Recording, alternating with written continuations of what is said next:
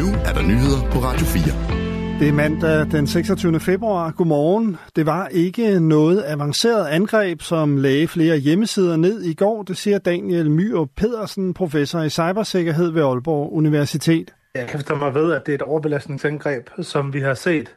Man kan sige, at det er, det er måske nok mere avanceret end dem, der har været tidligere, men det er stadigvæk kun et overbelastningsangreb. Det vil sige, at man tager en hjemmeside ned øh, midlertidigt, og når angrebet ophører, så kommer hjemmesiden op og kører igen, så der er jo ikke sådan en permanent skade på noget, og derfor synes jeg heller ikke, det, det er jo ikke sådan et rigtigt hackerangreb. Det er mere, det er mere irriterende. Flere hjemmesider blev i går lagt ned efter at være ramt af et cyberangreb. Det gælder blandt andet Københavns Lufthavn, Trafikstyrelsen og Movia. Ifølge TV2 er det en russisk hackergruppe, som til sydenladende angriber danske hjemmesider som gengæld for Danmarks støtte til Ukraine. Også Tisted Kommune fik lagt sin hjemmeside ned. Angrebet var ifølge kommunen rettet mod Tisted, Tisted Lufthavn. Men det er ikke så meget den her type angreb, jeg er bange for. Jeg er mere angreb, jeg er bange for angreb, hvor man sådan lægger ting ned øh, permanent eller får adgang til systemer og data, som man ikke burde have adgang til at bruge de adgange, enten til at få adgang til personoplysninger eller lægsystemer ned i længere tid. Norske piloter har registreret en voldsom stigning i antallet af GPS-forstyrrelser fra Rusland ved flyvninger i den nordligste del af landet, der oplyser den nationale kommunikationsenhed i Norge Encom ifølge avisen Dagens Næringsliv. I 2019 blev der registreret seks dage med såkaldt jamming, mens det i 21 skete 18 dage. I 22 og 23 var der henholdsvis 122 og 294 dage med jamming. Begrebet jamming dækker over forstyrrelser af radiosignaler. Forstyrrelserne er registreret i området Finnmark, som grænser op til Finland og Rusland. Indkom skriver, at sagen er taget op med de russiske myndigheder. Israels premierministerkontor oplyser, at militæret har præsenteret en plan for evakueringer af civile i Gaza. Meldingen kommer, mens Israel tror med en invasion af Rafah, som er Gazas sydligste by, og som indtil videre har været uberørt af de israelske landstyrker. Der er gang i forhandlinger om en våbenhvile i krigen mellem Israel og Hamas. I går sagde Netanyahu dog, at en mulig våbenhvile kun vil forsinke en landoffensiv i Rafah.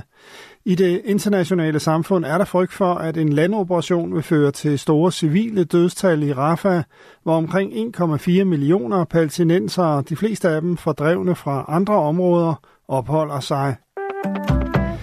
Militæranalytikere vurderer tabstallene fra Ukraine som troværdige. Ifølge præsidenten Volodymyr Zelensky har 31.000 ukrainske soldater mistet livet under krigen i Ukraine. Det er første gang, at han offentligt melder et tal ud. Tallet er formentlig rigtigt, siger militæranalytiker ved Forsvarsakademiet Jeanette Særetslev.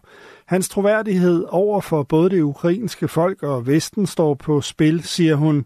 Hun forsker blandt andet i, hvordan lande i krig bruger information og misinformation.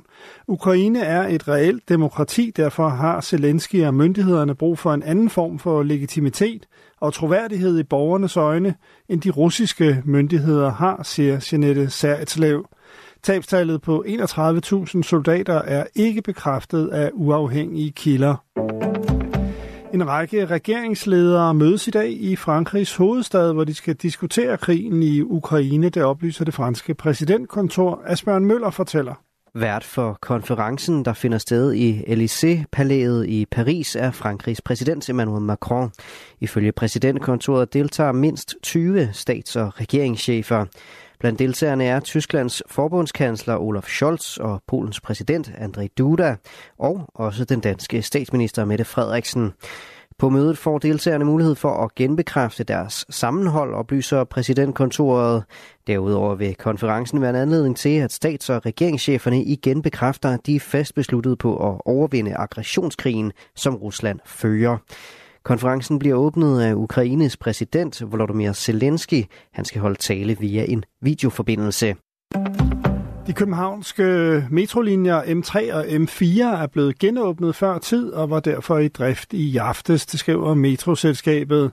De to metrolinjer har været midlertidigt lukket siden 10. februar, fordi en ny strækning skulle testkøres. I løbet af dagen lidt sol, 4-7 grader og svag til jævn vind omkring nord. Det var nyhederne på Radio 4.